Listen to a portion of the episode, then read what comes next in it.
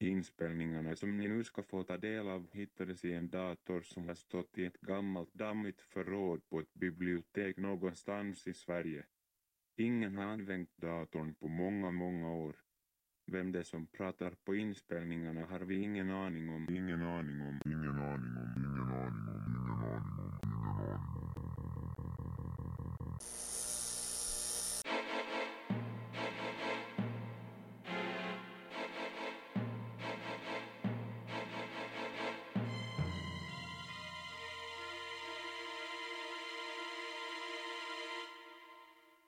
Flickan väntar i mörkret. Hela natten har hon legat klarvaken med sin älskade docka tryckt mot bröstet och lyssnat till det krafsande ljudet som hörs inifrån garderoben. Det låter som när en katt vässar klorna mot en möbel. Ett hemskt, skärande ljud. Krafs, krafs. Hon känner vad den där ben verkar i kroppen. Men hon vågar inte röra sig. Genom springan i garderobsdörren stirrar pojken som hänger upp och ner på henne med sitt blinda öga. På något sätt har han lyckats rubba skåpet som flickan ställt framför garderoben. Och nu vill han ut. Hon är fångad som i en fälla. Hon kommer ingenstans. Krafs, krafs, krafs.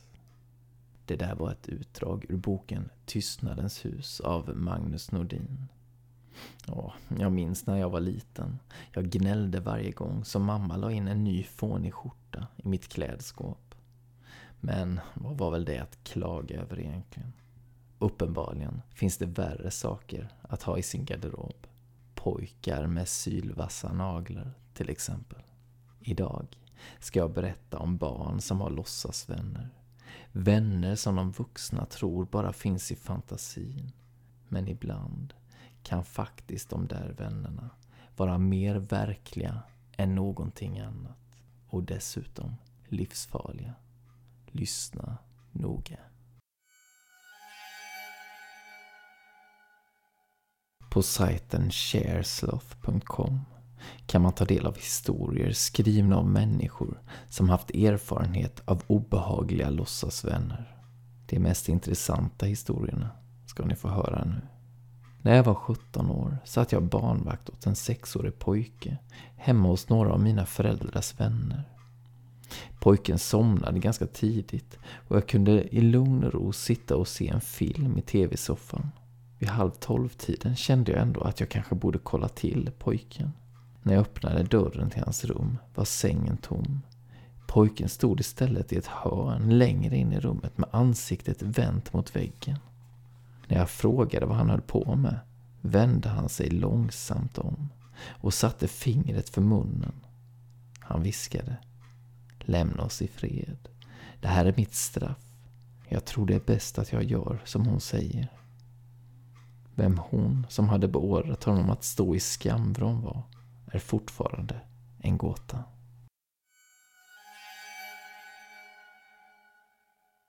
Ända sedan min son var tre år har han pratat om han som krälar. Han säger att det är en konstig man som bor i mina föräldrars sovrum. Numera vill jag knappt besöka min mor och min far tillsammans med min son längre på grund av detta. En gång gjorde jag misstaget att fråga honom hur han som krälar ser ut. Jo pappa, svarade min son. Det är konstigt men han har inget ansikte. När jag var fem år lämnade min mamma oss. Pappa klarade inte riktigt av den situationen. Jag och min syster fick klara oss ganska mycket själva medan han gick på krogen om kvällarna. Hur som helst, eftersom vi inte hade så mycket pengar bestämde pappa att vi skulle flytta till en billigare lägenhet som låg i grannstaden.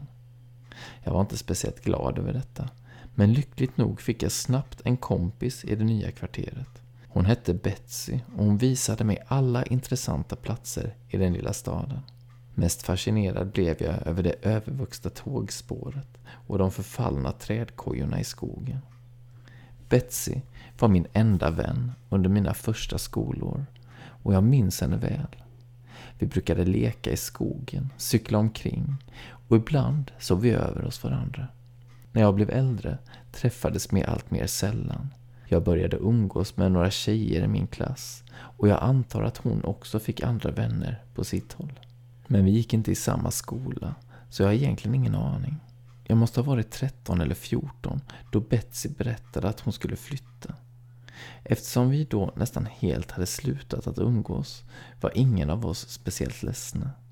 Vi sa hej då och bestämde att vi skulle hålla kontakten. Men så blev det inte. Jag träffade aldrig Betsy igen. Nu är jag vuxen och när jag för ett par år sedan pratade med pappa om Betsy skrattade han bara och sa Åh, du menar din eh, låtsaskompis? Jag höll på att tappa haken. Betsy hade ju funnits på riktigt. Skojade pappa med mig? Du måste ju ha träffat henne, sa jag. Hon sov ju över hos oss ibland. Och hon följde ju till och med med och åt middag hos moster Eva vid något tillfälle. Pappa bara skakade på huvudet. Betsy fanns bara i din fantasi. Fråga din syster och din moster om du inte tror mig. När jag pratade med min syster höll hon med pappa. Varje gång som du sa att Betsy var hemma hos oss satt du på ditt rum och pratade med dig själv, förklarade hon. Och min moster sa likadant. Och visst minns jag att du hade med dig en osynlig kompis hem till mig vid några tillfällen, skrattade hon. Jag måste ju tro på det de säger. Betsy fanns säkert inte, men i så fall finns det en sak som ger mig rysningar. Jag minns ju henne så väl, hur hon såg ut, hur hon pratade och till och med hur hennes rum såg ut. Huset hon bodde i ser jag inte framför mig, men just hennes rum minns jag tydligt. Och jag minns ju att jag sov över där. Om inte detta rum någonsin har existerat, var befann jag mig då under de nätter då jag sov hos Betsy? Inte ens pappa kan svara på detta. Han berättar att han beslutade sig för att aldrig mer gå på krogen då jag för andra gången på kort tid inte var hemma på en hel natt och nästa morgon kom hem och berättade att jag varit hos Betsy. När min dotter Amy var tre år hade hon en låtsaskompis som hon kallade för Kelly. Kelly bodde i min dotters garderob och brukade komma ut och leka lite då och då. Amy påstod även att Kelly alltid satt vid fotänden av hennes säng och vakade över henne när hon sov. Hur som helst, Kelly försvann ur våra liv efter ett år eller så. Amy slutade helt enkelt att prata om henne och till henne, vilket hon gjort ganska ofta tidigare.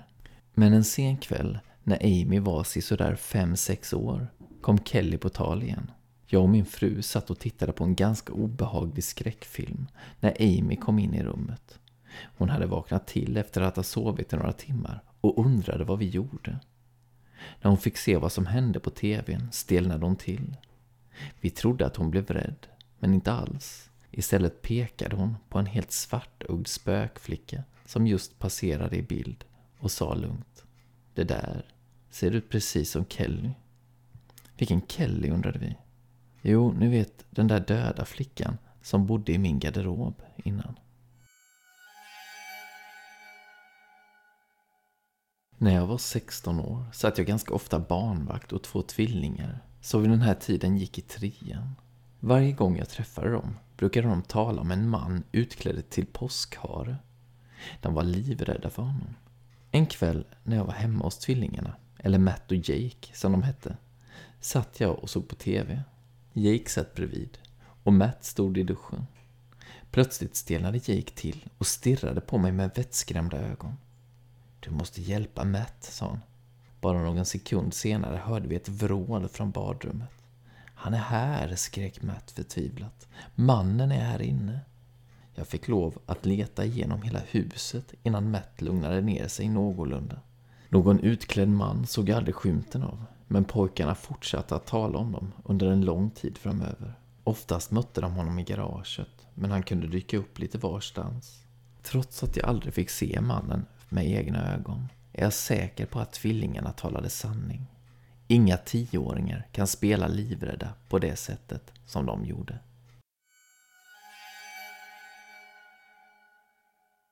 En tid efter att jag föddes började min syster Julia att tala om en mystisk vän som hon hade. Hon kallade vännen för Jessica och lekte ofta med henne. Ingen annan än Julia kunde se Jessica. Det verkade dock som att jag som liten bebis fick en skymt av henne vid ett tillfälle. Mina föräldrar var just i färd med att natta mig en kväll när jag plötsligt började gråta ohämmat. Jag stirrade på en punkt i hörnet av rummet och bara tjöt. Både mamma och pappa försökte lugna mig, men förgäves. Då klev min syster in i rummet. Hon tittade ursinnigt ner i det hörn som jag hade ögonen fästa vid och skrek. Sluta Jessica! Och då plötsligt upphörde jag tvärt att gråta. Julia vände sig sedan mot mina föräldrar och sa lugnt. Jessica gillar att skrämmas med de där hemska maskerna ibland. Någon vecka senare satt min mamma och spelade en gammal psalm på pianot. Julia kom in och såg uppgiven ut. Mamma, kan inte du sluta spela? Eller spela något annat? Jessica gillar inte den där sången. Mamma blev irriterad och fräste. Du, jag struntar faktiskt i Jessica. Ja, men snälla, envisades Julia. Jessica blir så läskig när hon är arg. Hennes ögon blir gröna och hon får en så konstig mörk röst. Julia slutade att tala om Jessica efter något år. Det var som om hon växte ifrån henne. Men när min lilla syster Abby var runt fyra år började även hon tala om en låtsaskompis. Berätta om henne, bad jag, för jag blev nyfiken. Jo, sa Abby. Hon har grönt hår och mörk och lite farlig röst. Har hon sagt vad hon heter? undrade jag. Såklart Jessica, sa Abby och log. För ungefär tio år sedan flyttade min faster och hennes familj till ett nytt hus i Orlando, Florida. Strax efter att de hade flyttat in började deras son, min lilla kusin Karl, berätta om en märklig kompis han träffat. Karl var i sexårsåldern vid den här tiden och som en lillebror för mig. Någon månad efter flytten besökte jag min fasters familj. Jag bodde hos dem i en vecka. Det kom att bli en vecka som jag aldrig skulle glömma. Jag kände en stark obehagskänsla redan första dagen och när kvällen kom blev det nästan outhärdligt. Något var fel i huset, det kände jag. Den känslan höll mig vaken och jag somnade inte förrän vid halv två-tiden trots att jag gick och la mig redan klockan elva. Bara en timme efter att jag hade somnat vaknade jag igen. Min lilla kusin stod och stirrade på mig vid sängkanten. Jag sov i ett rum på övervåningen och Karls rum angränsade till mitt. Därför var det inte jättekonstigt att han smög in till just mitt rum. Han kanske hade haft en mardröm, tänkte jag. Men hans blick var märklig. Och när han pratade talade han endast om en sak. Hans kompis Morry. Jag drog en lättnadens suck när han efter en halvtimme helt utan förvarning vände sig om och gick tillbaka till sitt rum. Snart hörde jag hans lugna snarkningar där inifrån. Samma sak skedde även nästa natt. Karl stod med nästan galen blick och berättade om Morry vid min sängkant för att sedan lämna mig lika hastigt som han kom. När även den tredje natten blev likadan kände jag att min faster måste få veta. När jag berättade för henne blev hon mycket orolig. Så där märkligt hade Karl aldrig betett sig förut. Jag pratade också med Karl själv den dagen, men han förstod inte vad jag pratade om. Han verkade faktiskt inte minnas att han hade varit uppe på natten. Men nästa natt stod han återigen vid min sängkant. Denna natt var han dock tystare än vanligt. Han sa ingenting om Morrie. I själva verket var det bara en enda mening som han yttrade denna natt. Och den meningen upprepade han flera gånger. Varför berättar du? sa han. Varför berättar du? På morgonen gick jag upp tidigt och smög in till Karl.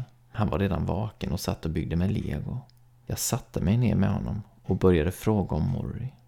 Jag frågade när han första gången träffade sin låtsaskompis och Karl berättade att Morrie från början bara fanns i hans drömmar. Men en natt vaknade han av knackningar på fönsterrutan. Det var Morrie som knackade. Hans smala och bleka ansikte kikade in på honom utifrån. Morrie bad om att få komma in. Karl är en väldigt snäll pojke och öppnade därför genast fönstret och bjöd in Morrie. Sedan dess har han hela tiden funnits vid min sida, förklarade Karl. Jag känner mig trygg när Morrie är med mig. Jag känner att han skyddar mig, fortsatte Karl. När någon är elak mot mig vill Morrie hjälpa mig att hämnas. Men jag brukar säga att han inte får. Han vill göra så farliga saker. Hur menar du? Vad då göra farliga saker? Morrie tycker om knivar och saxar, viskade Karl.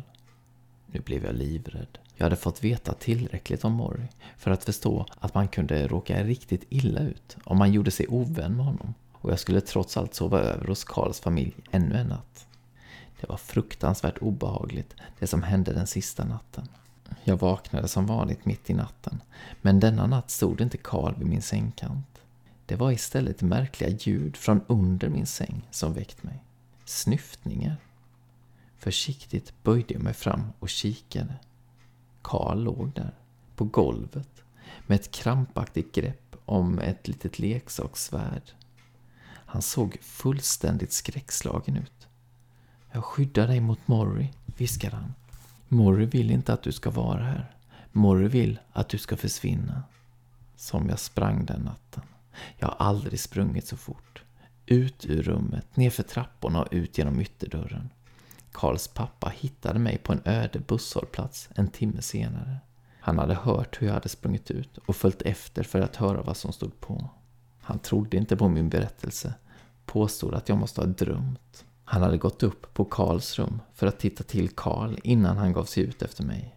Och Karl hade då legat i sin säng och sovit fridfullt. Efter detta dröjde det något år innan jag vågade tala om Morry med Karl igen. Han hade ingen aning om vad jag pratade om. Han hade aldrig hört talas om någon Morry, sa han. Jag nöjde mig med det svaret. Det måste ju i alla fall innebära att Morry inte längre följde Karl. Kanske hade han hittat en annan liten pojke att umgås med. Jag har bott i samma hus ända sedan jag var liten. När jag var sådär fem sex år vågade jag ännu inte sova ensam i mitt rum. Jag sov inne hos mina föräldrar istället. En natt vaknade jag och kände mig iakttagen. När jag tittade bort mot dörren fick jag se att det stod en man där. Han var helt klädd i svart. Hans ögon var stora och hans huvud slätrakat. Han stod där med allvarlig min och tittade på mig. Mina föräldrar vaknade inte och jag bestämde mig för att jag måste inbilla mig. Den där mannen kunde omöjligen finnas på riktigt. Jag vände honom ryggen och lyckades faktiskt somna om. När jag vaknade igen efter ett tag var han fortfarande kvar. Men han stod inte längre vid dörrposten utan hade förflyttat sig till fotänden av min säng. Han stirrade ihärdigt på mig. Hans ansikte var uttryckslöst, men på något sätt sorgset. Jag minns att jag kände mig rädd och ledsen. För att slippa mannens ihärdiga blick knep ihop ögonen och blundade en kort stund. När jag öppnade ögonen igen var mannen borta. Mannen fortsatte att besöka mig nattetid några gånger i veckan. Jag vande mig till slut vid honom och gav honom smeknamnet Mr Man. När jag vid nio års ålder började sova i mitt egna rum tänkte jag att jag kanske skulle slippa Mr Man. Men han dök upp även där. Det var inte förrän jag fyllde 15 som han försvann. I alla fall för en tid.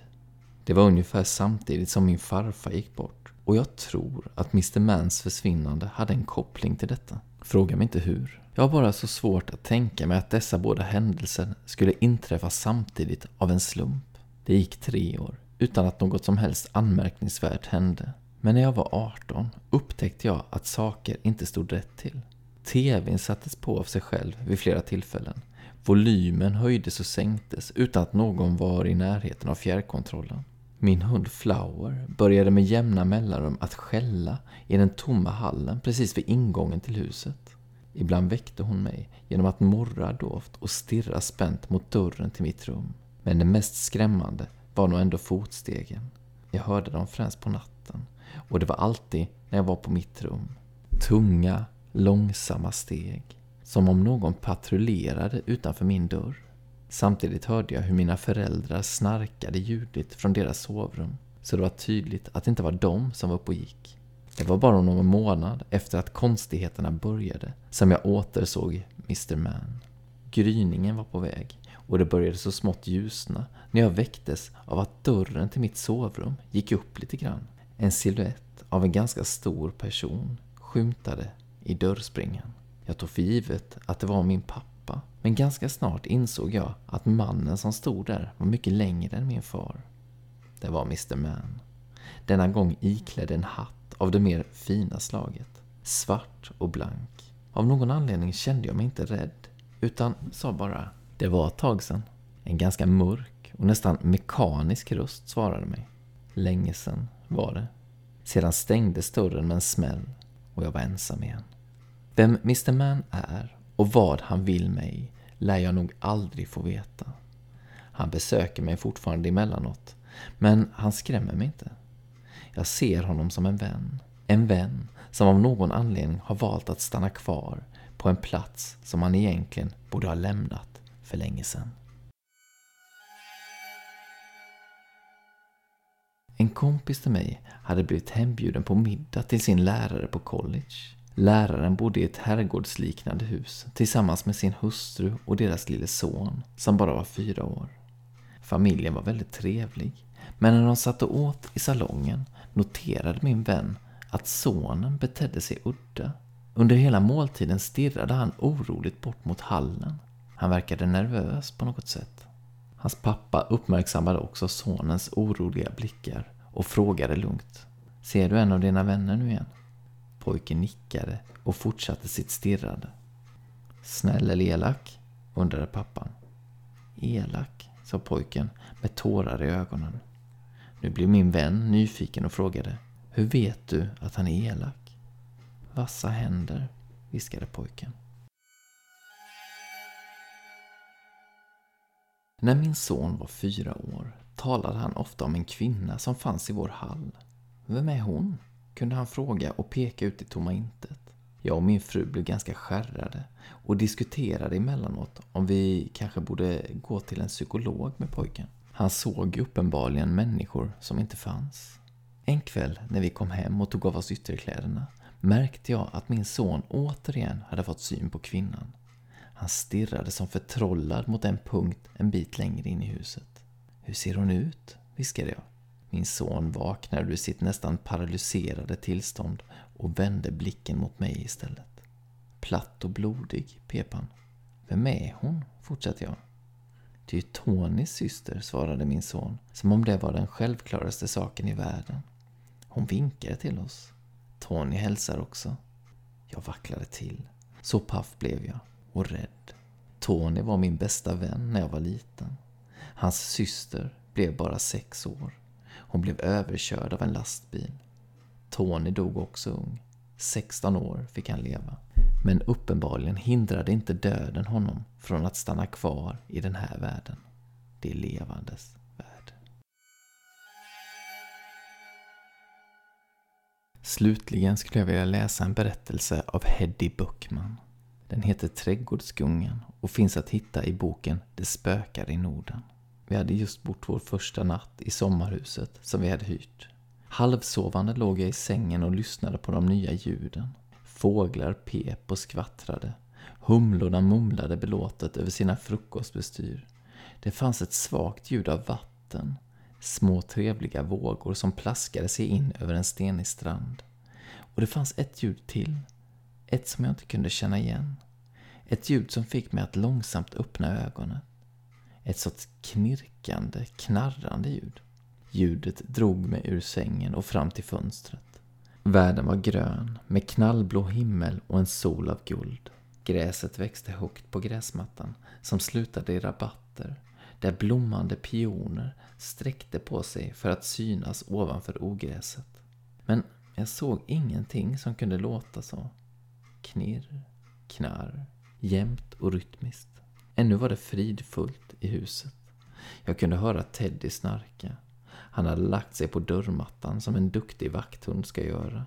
Tyst smög jag mig upp och drog på mig shorts och t-shirt. När jag öppnade min dörr lyfte Teddy på sitt svarta labradorhuvud och gäspade. Måste du verkligen stiga upp redan? sa han med svansen. Jag klev över honom och lirkade upp ytterdörren. Solen lyste in på oss och i värmen strömmade alla goda sommarlukter rakt mot min näsa och in i Teddys svarta nos. Jag blev sittande ett tag i värmen på den låga stentrappan medan Teddy vädrade och snusade ovanför mitt huvud. Jag undrade vad han fick för bilder i huvudet av alla lukterna. Pappa brukade säga att han läste hundnyheterna. Sen tassade jag ut i det daggvåta gräset och blötte ner mina bara ben upp över knäna. Teddy svansade efter och lyfte på benet mot ett äppelträd som var fullt av små, små kart. Knirr, knarr, lät det bakom syrenbärsån. Jag hann undra om äpplena skulle hinna bli mogna innan vi gav oss av när jag fick syn på en trädgårdsgunga. Den var mycket gammal och hade en gång varit vitmålad. Den hade två sittbänkar mitt emot varandra och den knarrade sig fram och tillbaka. Men den var tom. Förvånad gick jag närmare. Hur kunde den röra sig? Det var ju vindstilla. Och nu kunde jag höra ett svagt visslande. Som när någon småvisslar för sig själv med läpparna lite åtskilda medan han till exempel sitter och täljer på en barkbåt. Sen hörde jag ett annat ljud bakom mig. Det var ett morrande. Teddy stod med svansen högt och raggen rest och glodde på gungan. Han mullrade som ett åskväder långt borta. Det var först då som jag blev rädd. Om jag hade haft päls på min rygg som Teddy skulle jag också ha rest ragg. Det stack i mina handflator. Plötsligt fick jag kraft att springa, skrika och springa och Teddy började skälla allt vad han orkade. Jag snavade in över tröskeln och slängde igen dörren efter mig. Med ens blev huset fullt av liv. Mamma ropade, pappa brummade sömnigt och Oskar trillade ur sin säng på vindsvåningen. Teddy krafsade på dörren och gnällde. Jag öppnade en springa, just lagom stor för att han skulle kunna komma in, och låste dörren efter honom. Så sprang jag in till mamma och pappa som satt upp i sin breda dubbelsäng och stirrade på mig. Jag hoppade rakt upp i mammas säng och Teddy följde efter. Inga hundar i sängen, sa pappa men Teddy brydde sig inte om det, utan la sig tvärs över hans ben. Vad är hela friden, sa de, och mamma kramade mig tills jag slutade darra. Jag försökte berätta, men hur jag än förklarade så lyckades jag inte få det att låta så kusligt som det hade känts. Det kan ha varit något djur, sa pappa. Jag såg ekorrar igår. Eller så blåser det lite mera just nu. Vinden kanske kom in från havet på andra sidan syrenbuskarna, föreslog mamma. Jag satt bara tyst och tittade på dem. Jag förstod att vad jag än sa så skulle de hitta på förståndiga förklaringar. Oskar kom nedklampande i vindstrappan. Vad gör ni? Varför skriker Helena? Hon tror att det spökar, sa pappa. Gör det det då? frågade Oskar intresserat. Var? Hon tyckte att trädgårdsgungan rörde sig av sig själv. Nu stiger vi upp och dricker kaffe, sa mamma. Och alla gick ut i solen. Inga konstiga ljud hördes. Fåglarna fortsatte att kvittra och pipa. Humlorna surrade och högt ovanför oss flög ett jetplan söderut. Kom, så går vi och tittar på den, sa mamma. Vad är den? Bakom syrenbärsån, sa jag och frös till. I samlad tropp gav de sig av och jag hörde hur de pratade och funderade medan de gick runt gungan och undersökte den. Teddy och jag blev kvar vid syrenbuskarna. De klättrade upp och satte sig i den. Knirr, knarr lät det när de satte fart på den. Den här är inte farlig, sa pappa. Inte mer än att den är gammal och rutten förstås. Ni får ta det försiktigt med den. Jag tänker inte gunga i den, sa jag lågt. Du är fånig, sa Oskar. Kom hit och sätt dig här hos oss, sa mamma. Så märker du att den inte är farlig. Titta på Teddy, sa jag. Hans ragg var rest och svansen stod rakt upp. Kom Teddy, kom hit, ropade pappa. Men Teddy rörde sig inte. Oskar hoppade ner från gungan och försökte dra honom i halsbandet. Men Teddy vägrade. Han satte sig ner och stirrade på gungan. När Oskar gav honom en liten uppmuntrande spark där bak reste han sig. Men svansen åkte in mellan benen och han morrade svagt. Det är du som har skrämt honom, sa Oskar. Du skrek ju som en gris i morse. Och så blev det. Ingen i min familj tog min rädsla på allvar. Ingen utom Teddy. Han hade sett någonting. Någonting som skrämde honom så att han vägrade gå i närheten av gungan. Vi hyrde stugan av fru Gustafsson som bodde med sin man i bondgården längre upp mot Stora vägen. Hon var i farmors ålder och ibland kom hennes barnbarn och hälsade på och badade i badviken som ju egentligen var deras. När vi behövde köpa mat brukade Oskar och jag cykla till lanthandeln några kilometer bort för att handla. Vi tyckte om det. Där fanns allt man kunde vänta sig av en lanthandel i skärgården och det luktade kära och lakrits och rökt skinka och nya gummistövlar om vartannat. Pappa bad Gustafsson komma och slå gräsmattan med lie. Sen kunde han klippa den själv, så att vi kunde spela krocket och badminton. Allt var perfekt. Vi hade det jättemysigt. Om bara inte det där knarrandet och knirkandet hade fortsatt. Det gick väl en vecka innan jag vaknade av det där ljudet nästa gång. Det knöt sig i magen och hjärtat började dunka. Jag drog täcket över huvudet, men knarrandet hördes i alla fall. Jag smög mig upp till Oskar och väckte honom. Det hörs igen, Oskar. Kom med mig ut. Jag vill sova, mumlade Oskar sömnigt. Han gillade att ligga och läsa till sent på kvällen. Men gungan? Han plirade sömnigt på mig. Jag vet inte vad du tror, men jag vill sova. Och så vände han näsan mot väggen. Om jag ville undersöka vad det var som fick gungan att röra sig så fick jag göra det ensam. Först tänkte jag låta bli. Men jag kunde inte. Jag måste se det en gång till. Det var någonting som drog mig dit. Jag tog på mig kläder och smög ut. Teddy stannade och såg förebrående på mig när han såg vart jag var på väg. Han morrade lågt. Shh, Teddy. Det är ingenting att morra åt, sa jag och hoppades att jag hade rätt. Teddy följde efter mig. Men vid syrenbusken stannade han med svansen mellan benen och raggen rest. Han ynkade som en valp. Där var den. Den gamla grånade gungan och den rörde sig fram och tillbaka, lugnt och stilla, medan träet knarrade. Det var så rofyllt. Jag fick lust att kliva upp i den, sitta där och drömma och gunga. Knirr, knarr. Jag kände hur ögonlocken blev tunga. Så hörde jag visslandet igen.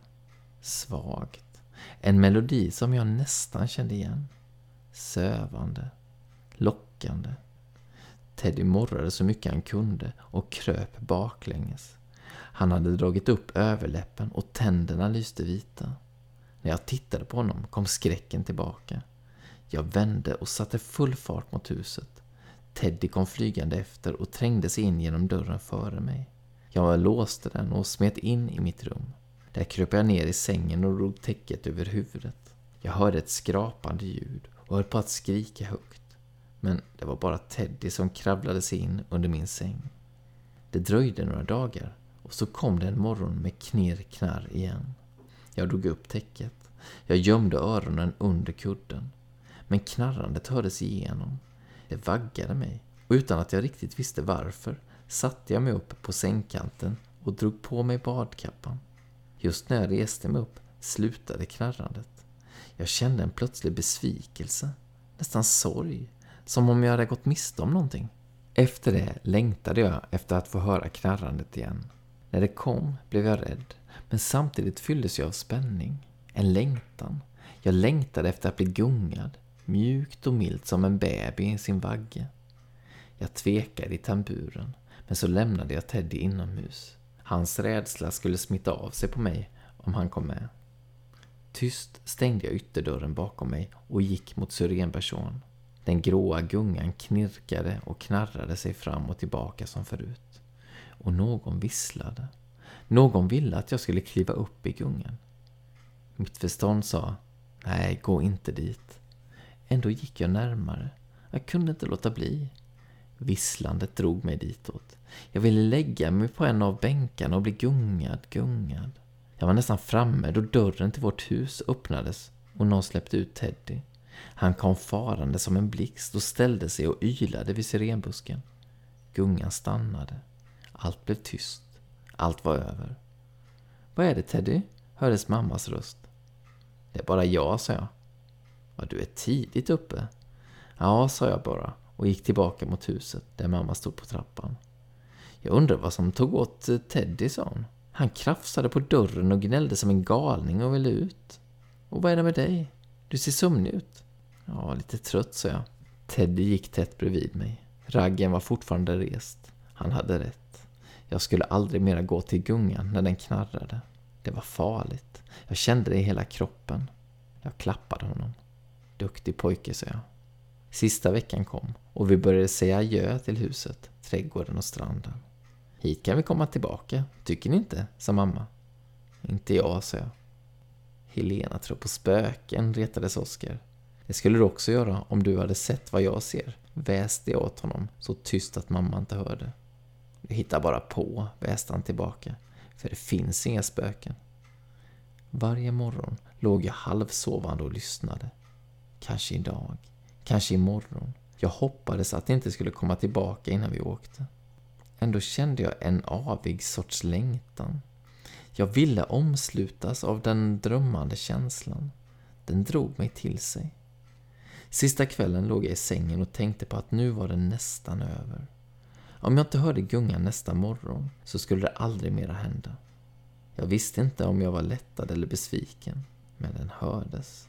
Det var tidigare än vanligt. Det var ännu gryning. Först låg jag kvar och hörde på det rytmiska knarrandet. Jag fick mer och mer lust att gå dit. Till slut hade jag övertalat mig själv att jag måste. Det var ju sista dagen. Jag skulle bara stå där vid busken och titta lite. En sista gång. Jag drog på mig en extra tröja och smög ut. I hastigheten glömde jag att stänga om Teddy. Han tassade ut på trappan och gnydde lite efter mig. I halvmörkret såg den gråa gungan ut att lysa med ett svagt ljus. Knirr, knarr. Den underliga fridfullheten kom över mig. Det lugnande, mjuka visslandet drog mig steg för steg framåt och ju närmare jag kom, desto långsammare svängde gungan. Till sist stannade den och jag visste att jag måste stiga upp i den. Som i en dröm tog jag tag i träet och drog mig upp. Nu satt jag bredvid den som visslade. Jag slöt ögonen. Gungan började röra sig. Den vaggade mig, mjukt och vänligt. Men så kände jag någonting. En svart skugga som fanns runt omkring mig. Den trängde sig närmare, gjorde att jag inte kunde röra mig och samtidigt spred sig en iskyla uppåt från mina fötter. Om det når fram till hjärtat så dör jag, tänkte jag och jag försökte vrida mig loss. Men det gick inte. Jag var stel, förlamad, fastfrusen och hela tiden fortsatte det låga visslandet som om ingenting hade hänt. Men så såg jag handen. En vit, benig hand. En skeletthand trevade över mig. Visslandet tystnade och istället hörde jag en hes röst viska i mitt öra. Lilla, vackra flicka. Mörkret svepte in mig och i mörkret lyste två brinnande punkter som ögon. Jag visste inte att man kunde bli så rädd. Hjärtat hamrade som tokigt och munnen var torr som sandpapper. Jag kände inte längre någon bänk under mig och trädgården var försvunnen. Jag såg bara mörker, virvlande, snurrande mörker och i mörkret for lysande stjärnor förbi, blinkande, pulserande, ljudlöst. Min kropp var frusen, borta. Jag visste inte om den fanns kvar. Bara mitt dunkande hjärta var ännu levande och varmt. Mitt i det mörka trängde sig hundskall, högt som trumpetstötar, alldeles nära. Jag föll handlöst, rakt genom rymden, ner i det våta kalla gräset. Plötsligt fanns det röster. Pappas oroliga, mammas som lät arg. Oskar som sa, det var jag som hittade henne. Nej, mumlade jag. Det var Teddy. Hon sa någonting, hon lever. Klart att hon lever, sa mamma ilsket. Men vi måste få in henne i huset. Hämta en filt, hon är ju iskall. Jag undrar hur länge hon har legat här. Helena, svara, kan du prata? Hon kanske har slagit i huvudet, sa pappa och lät alldeles panikslagen. Hur låter hennes hjärta? Ring efter en doktor, en ambulans. Hon kanske har haft någon sorts hjärtsvikt. Eller hjärnblödning. Kanske hon brutit nacken. Rör henne inte. Jag är okej, sa jag, medan jag satte mig upp med en kraftansträngning. Kan jag få någonting varmt att dricka? Senare, när alla hade druckit te för att lugna sig, började mamma och pappa fråga ut mig. Jag tänkte först berätta att jag hade hört knarrandet från gungan och gått ut. Men jag såg på dem att de inte skulle tro mig. Och om de trodde mig så skulle de aldrig kunna förstå. Till slut enades de om att jag hade gått i sömnen och snubblat och fallit i det våta gräset. På eftermiddagen kom fru Gustavsson för att dricka kaffe. Mamma ville ta ordentligt adjö av henne och tacka henne för den här tiden. Vi dukade bordet ute på gräsmattan och mamma hade bakat en sockerkaka. Efter kaffet gick fru Gustafsson runt en tur för att se hur det stod till i trädgården, som hon brukade. Jag gick efter henne.